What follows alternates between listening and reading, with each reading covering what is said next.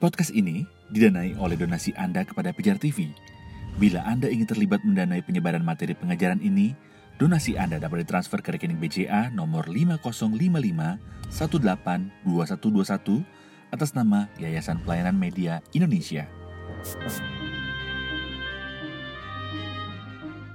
Kalau memang Paskah Yahudi itu disahkan dengan darah anak domba ya, sebagaimana Abah tadi sampaikan, dan dalam iman Kristen itu telah digenapi dalam kematian Almasih Yesus Kristus. Jadi ajaran penebusan melalui darah itu akarnya dari Yudaisme ya juga ya, atau agama pagan, Pak. Ini karena juga sering nih menjadi tuduhan terhadap iman Kristen itu sendiri.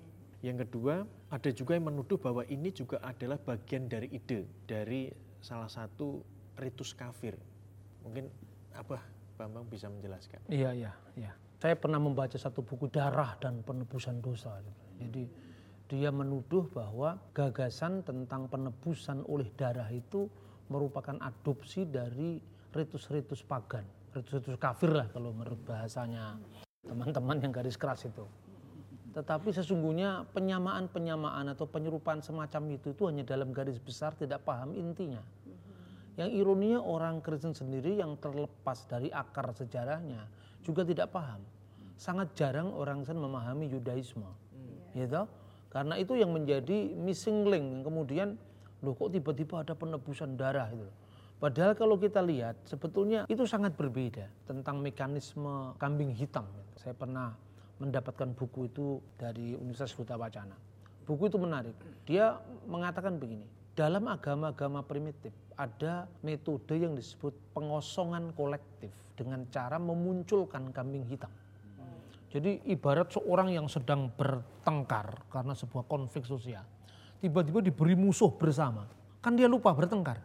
Karena sama-sama terancam dia ngelawan musuh bersama tadi. Itu namanya mekanisme kambing hitam.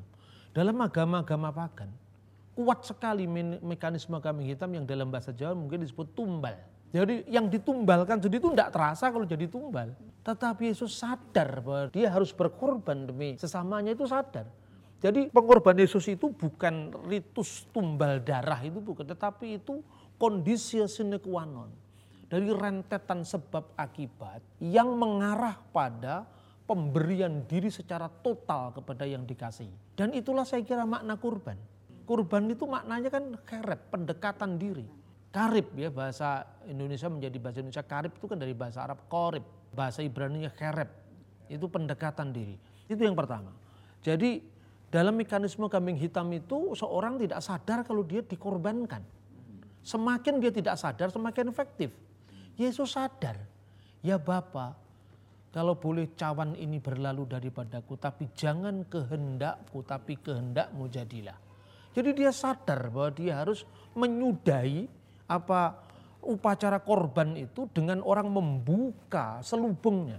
Ketika kekerasan itu dibuka selubungnya, orang tidak lagi kekerasan tapi diganti dengan kasih. Tetapi memang dalam ritus Yahudi, ritus Islam itu juga tidak bisa lepas dari darah. Ini salah satu buku ya misalnya Akikoh, ini panduan praktis Akikoh berdasarkan Al-Quran dan Sunnah. Ini juga ada darah di sini. Tapi kan tidak berarti bahwa darah kambing itu menebus dalam pengertian yang hakiki kan tidak kan. Misalnya dikatakan, ma'al gulamu akikotun. Bersama kelahiran seorang gulam, seorang anak itu adalah akikoh. Terus kemudian dikatakan, fa'ahriku anhu daman. Maka tumpahkanlah baginya darah.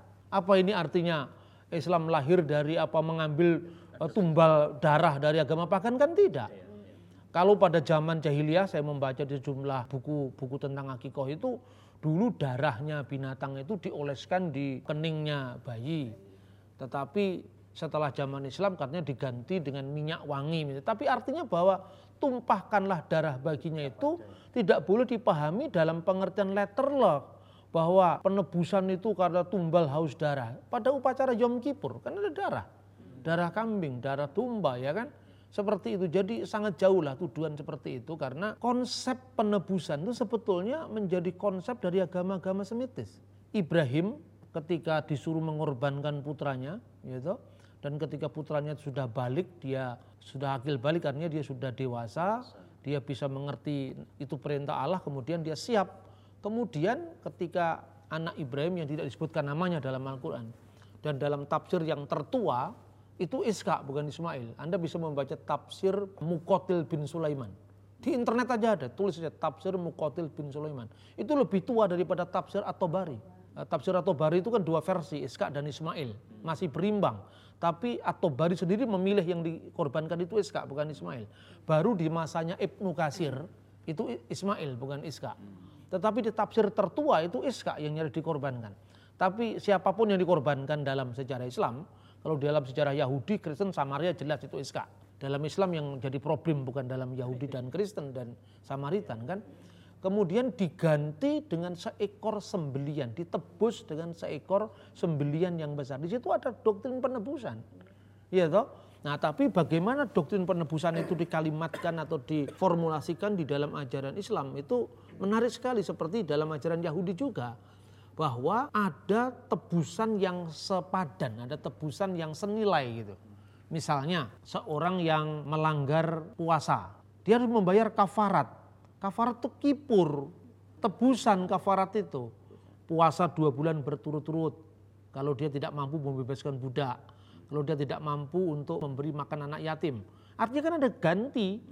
Nah kalau di dalam konsep hukumnya bisa diterima, kenapa di teologinya ditolak? Kan itu kan persoalannya. Yahudi menolak baik itu di dalam hukum maupun dalam teologi. Hanya bedanya Yudaisme tidak memahami itu telah usai dengan Yesus Kristus. Ketika Yesus mengatakan sudah selesai artinya apa? Jangan lagi mengandalkan simbol-simbol darah ini sudah selesai. Apakah hati kita dibawa dekat dengan iman kita kepada Tuhan yang begitu kasihnya sampai sang anak domba itu memberikan dirinya dalam pengertian menyudahi korban-korban darah itu sekali untuk selama-lamanya. Itulah maknanya itu sangat berbeda dengan makna ritus pagan itu. Saya kira itu. Ya, um, saya yang lanjut Pak. Mengenai konteks Paskah Yahudi Pak. Hmm. Ya, boleh dijelaskan Pak kontinuitas Paskah Yahudi sebagai Paskah Keluaran dan Paskah Kristen Pak. Sampai hari ini pun kita masih bisa mengikuti yang namanya Sidur Hapesah. Sidur Hapesah itu adalah sidur buku-buku doa untuk perayaan Paskah. Kalau kita pergi ke Yerusalem, saya kira banyak orang Indonesia pergi ke Yerusalem tapi hanya pindah tempat berdoa aja. gitu. Suasana yang dibawa suasana Indonesia, teologi yang dibawanya teologi Indonesia, nyanyian yang kita bawa ya nyanyian Indonesia dinyanyikan di Israel. Saya kira kita nggak dapat apa-apa. Kita mesti melihat ketika kita berziarah itu dari dekat kita melihat akar sejarah kekristenan kita. Misalnya mau lihat buku-buku Yahudi, mau lihat bagaimana ritual sinagog. Karena Yesus itu dulu kan juga pergi ke sinagog, ya kan? Nah, di situ kita bisa paham pada saat perayaan Paskah Yahudi di bulan purnama Paskah 15 bulan Nisan ya. Paskah itu maka orang Yahudi sudah kumpul di rumah mereka masing-masing dan pernah saya kemukakan bahwa satu pintu itu harus dibiarkan terbuka namanya pintu Elia. Nah kemudian seorang dari keluarga itu menyiapkan jamuan Paskah namanya Seder Hapesah. Maka Yesus mengatakan, di manakah kita, eh, kami harus melakukan perjamuan itu, seder itu. Oh di rumah Anu bin Anu kan itu kan ceritanya dalam Alkitab itu kan itu gambaran bagaimana keluarga-keluarga Yahudi merayakan Paskah. Maka ketika hari sudah masuk malam ya artinya pergantian hari itu bagi orang Yahudi kan terbenamnya matahari. Maka lilin-lilin Paskah itu mulai dinyalakan, lalu mereka membaca doa yang namanya Kidus Hasem. Kemudian setelah mengucapkan itu mereka menyiapkan di meja perjamuan itu ada roti, anggur, sejenis salad ya dan potongan daging anak domba. Itu Paskah Yahudi. Ketika Yesus melakukan Paskah itu ya Paskah Yahudi itu kan. Tapi apa yang kurang di sana? Tidak ada potongan daging anak domba. Karena Yesus mau menyudahi korban-korban binatang itu. Dia langsung menukik pada jantung penebusan itu sendiri. Jangan berharap lagi pada daging-daging binatang itu kan sekedar simbol. Daging binatang, darah binatang itu kan sekedar simbol. Inti daripada semua itu adalah pengorbanan. Saya yang mau mengorbankan diriku untuk kalian semua. Maka perjanjian baru itu disahkan dengan darah Inilah darah perjanjian baru yang ditumpahkan. Dan ungkapan semacam ini tidak ada ritual Paskah Yahudi, tidak ada. Dalam Paskah Yahudi kan ketika roti tak beragi itu diangkat, dia mengatakan ini dalam bahasa Aramaik. Lahamma annea diakalu afahtana bi'ar amisrain. Inilah roti sengsara yang dimakan nenek moyang kita di Mesir. Lalu roti itu dipecah-pecahkan, dibagikan. Begitu juga tentang darah. Yesus tidak mengucapkan inilah roti sengsara. Yesus tidak pernah mengatakan inilah darah perjanjian keluaran tidak. Tapi inilah tubuhku yang dipecah-pecahkan. Inilah darahku, darah perjanjian baru yang ditumpahkan. Itu dan tidak ada daging anak domba karena apa? Karena Yesus sendiri adalah anak domba Allah yang menghapus dosa dunia itu. Dan itu yang pertama kali dirayakan oleh orang Kristen dengan Paskah. Tapi persoalannya seandainya sekarang orang Kristen misalnya Petrus, Paulus tiba-tiba dia kan dulunya masih Yahudi kan sama-sama keluarga besar Yahudi. Dalam perjamuan keluarga itu Petrus jadi kepala keluarga. Di tengah-tengah saudaranya, di tengah-tengah kampungnya yang yang misalnya sanak kerabatnya yang bukan Yahudi, yang bukan Kristen, yang belum terima itu. Inilah darah anak domba Allah kan bisa dilempari batu, ya, kan? Makanya gereja memiliki hari tertentu selain hari Sabat. Hari Sabat itu kan hari umum bagi orang Yahudi. Hari tertentu itu ada. Hari pertama minggu itu ketika kami memecah-mecahkan roti. Nah itulah yang menjadi ritual. Minggu pertama kali, minggu itu nggak ada kaitannya dengan Dewa Matahari. Itu karena orang Barat yang tidak ngerti akar sejarahnya Timur Tengah. Coba kata-kata, kok bisa hari Minggu itu hari mati? Ya itu Sunday, Sun itu kan matahari, D itu hari atau Sondag, Mandag, Wednesday dan seterusnya. Itu kan bahasa Belanda, itu kan bahasa Inggris. Dalam bahasa Ibrani itu netral saja. Yom Echad, Yom Seni, Yom Selisi, Yom Revi, Yom Kamisi yang menjadi bahasa Arab Yaumul Ahad, Yaumul Isnin, Yaumul Thalata, Yaumul Arba, Yaumul Khamis ini sama saja. Itu jadi bahasa Indonesia hari Ahad, Ahad itu bahasa Jawa untuk minggu. Terus ditambahi akad kliwon, akad pon. Senin, Selasa, Rabu, Kamis itu kan sebetulnya munculnya dari Hebrew, Arabik, Indonesia, Jawa dan seterusnya gitu loh. Tidak usah kita cari-cari bahasa Eropa, kita tidak punya akar dengan budaya itu.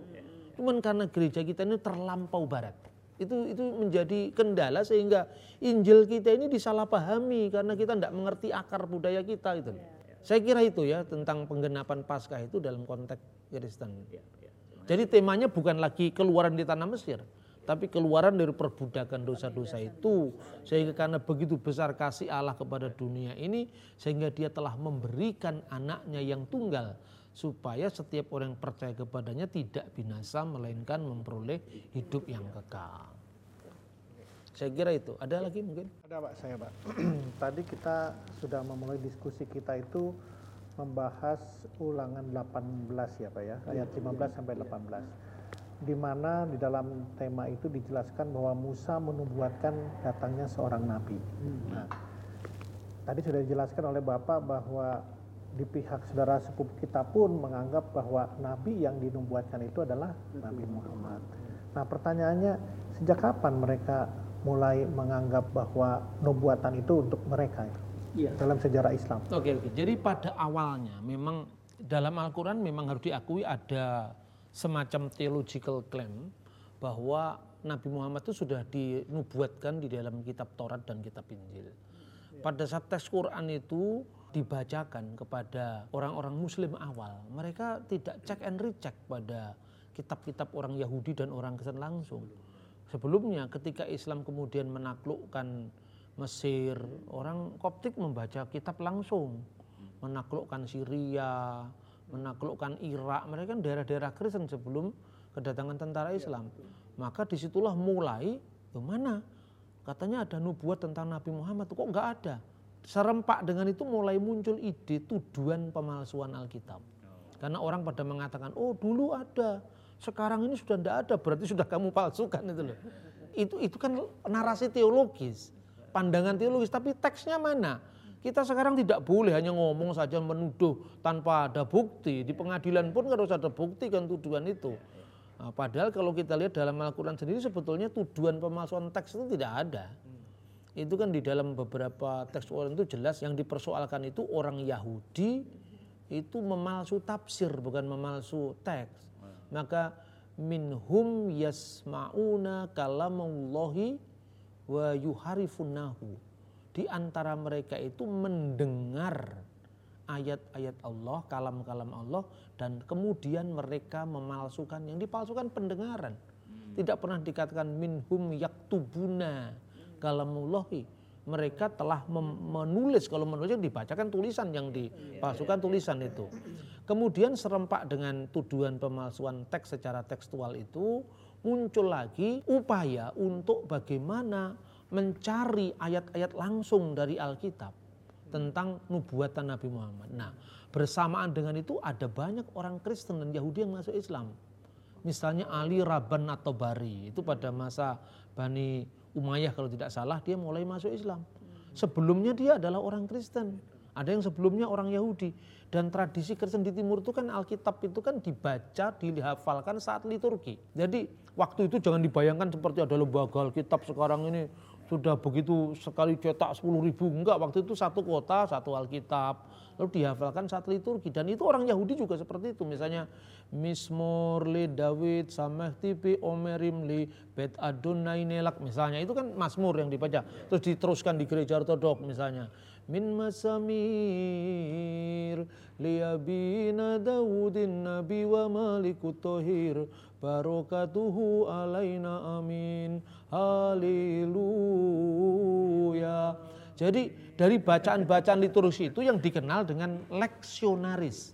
Leksionaris itu kemudian menjadi bahasa Aramnya keryana. Keryana itu menjadi akar dari kata Quran Nah keryana leksionari itu terdiri dalam bahasa Aramai gini, terdiri dari surta dan ata. Surta itu menjadi surah, ata itu menjadi ayat. Itu dari bahasa Aram. Jadi bagian makanya Al-Quran itu kan sifatnya kan sangat simpel kan. Karena dia hanya mengingatkan narasi-narasi sebelumnya. Tidak sistematis, kadang-kadang juga tidak tematis gitu Sebelumnya surat Luqman, tapi yang ngomong Luqman hanya beberapa kata yang lain-lain, nabi yang lain itu loh. Karena apa? Pembacanya diandaikan sudah mengerti narasi-narasi biblikal itu, kira-kira seperti itu. Nah, sejak saat itu kemudian mulai muncul upaya mencari Muhammad. Misalnya, wah ini mereka sudah mengenal. Ada di ulangan pasal 18, 15, ayat 16. Ada di Habakuk pasal 3. Ada di Yesaya penunggang onta. Padahal konteksnya itu penaklukan Yerusalem. Karena namanya leksionari kan dibaca tidak utuh kan gitu loh. Nah mulailah kita melihat misalnya pada dialog antara Khalifah Al-Mahdi dengan Timotius I, yaitu patriark dari gereja Asuria Timur. Dia mengatakan, bukankah itu termaktub dalam kitab Tauratmu? yaitu ulangan pasal 18 ayat 15 seorang nabi yang seperti Musa itu mulai muncul kira-kira dialog itu terselenggara tahun 781 dan kemudian diteruskan dari abad ke abad nah sayangnya karena orang Kristen tidak pernah memahami dinamika perdebatan ini dari masa klasik abad pertengahan sampai modern akibatnya ketika para polemikus muslim kayak Ahmad Didat, Jakir Naik muncul terjadi kekagetan di dalam gereja. Padahal tidak perlu kaget. Kenapa? Lalu kita membaca tulisan-tulisan dari gereja timur itu. Udah ada. John Damaskus sudah menulis. Uh, Abu Ra'ita Altikriti sudah menulis. Theodor Abu Kuro sudah menulis. Timotius Awal sudah menulis. Itu clear di gereja-gereja kuno. Nah makanya saya selalu mengatakan dalam konteks dialog yang lebih sehat. Dengan saudara muslim. Bahkan dengan saudara Yahudi. Marilah kita back to basic. Kembali ke basic kita bukan hanya back to the Bible. Karena Bible dibaca dalam konteks apostolic tradition dari para dosis rasulia. Karena apa? Setelah para rasul itu kan rasul punya murid. Muridnya siapa namanya? Misalnya Polikarpus, Polikarpus punya murid Irenius, Irenius punya murid Hippolytus, itu kan teksnya semua masih ada. Nah, kalau kita membaca secara kontinu sejarah itu tanpa terpotong, artinya tidak mengalami missing link, maka semuanya akan menjadi jelas termasuk tema-tema yang begini ini sebenarnya tema-tema yang gampang sekali di yang sudah dibahas pernah ada, yang sudah ya. pernah ada karena bukan hal yang baru saya kira itu ya Pak jadi sebetulnya dimulai dari sebelum ditulisnya Quran atau setelah Oh setelah, iya setelah pemahaman tentang Nabi Muhammad sebagai iya, nubuatan iya. itu. Justru itu untuk meneguhkan apa yang dicatat dalam Al-Quran. Oh, kenabian. Iya kenabian dari Muhammad. Jadi kalau kita membaca misalnya di dalam tafsir-tafsir awal itu belum banyak muncul yang begitu. Tafsir Muqatil bin Sulaiman itu belum muncul. Itu munculnya di masa-masa kemudian. Dan itu pun tidak muncul kalau nggak salah tidak muncul di tafsir itu. Bisa dicek lagi. Itu muncul di pertama itu di semacam biografi Nabi, Sirah Nabawiyah. Kalau Sirah Nabawiyah itu mengutip tentang sebuah leksionari Aramaik Palestina tentang para kletos yang ditafsirkan Nabi Muhammad. Ya, kita akan membahas itu di kali lain lah. Roh Kudus itu para kletos itu Roh Kudus atau itu Nabi Muhammad di situ. Ya, kita mesti berangkat dari sumber-sumber sejarah, nggak bisa kita hanya klaim, apalagi kalau itu sekedar ulama modern yang menulis. Nah dia dapat riwayat dari mana, dapat data dari mana kan gitu kan. Berarti intinya jikalau kita melek sejarah gereja sebelumnya, ini bukan barang baru Bukan lagi barang ya, Pak ya. baru. Ini barang yang Ya, orang barat tuh pernah ada. kagetan karena hanya sekelompok tertentu yang membahas. Yang membahas begini kan hanya golongannya Montgomery Watt, Richard Bell, yang memang mereka itu ahli-ahli dalam dunia ketimuran. Tetapi artinya tidak terjemaatkan di gereja, tidak menjadi tema-tema dalam kehidupan jemaat gereja, kira-kira seperti itu.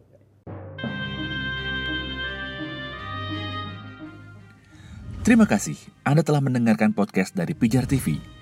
Podcast ini terselenggara berkat donasi Anda. Bila Anda ingin terlibat mendanai penyebaran materi pengajaran ini, donasi Anda dapat ditransfer ke rekening BCA 5055182121 atas nama Yayasan Pelayanan Media Indonesia. Informasi lebih lanjut mengenai Pijar TV dapat Anda akses di website pijar.tv. Salam terang bagi Indonesia.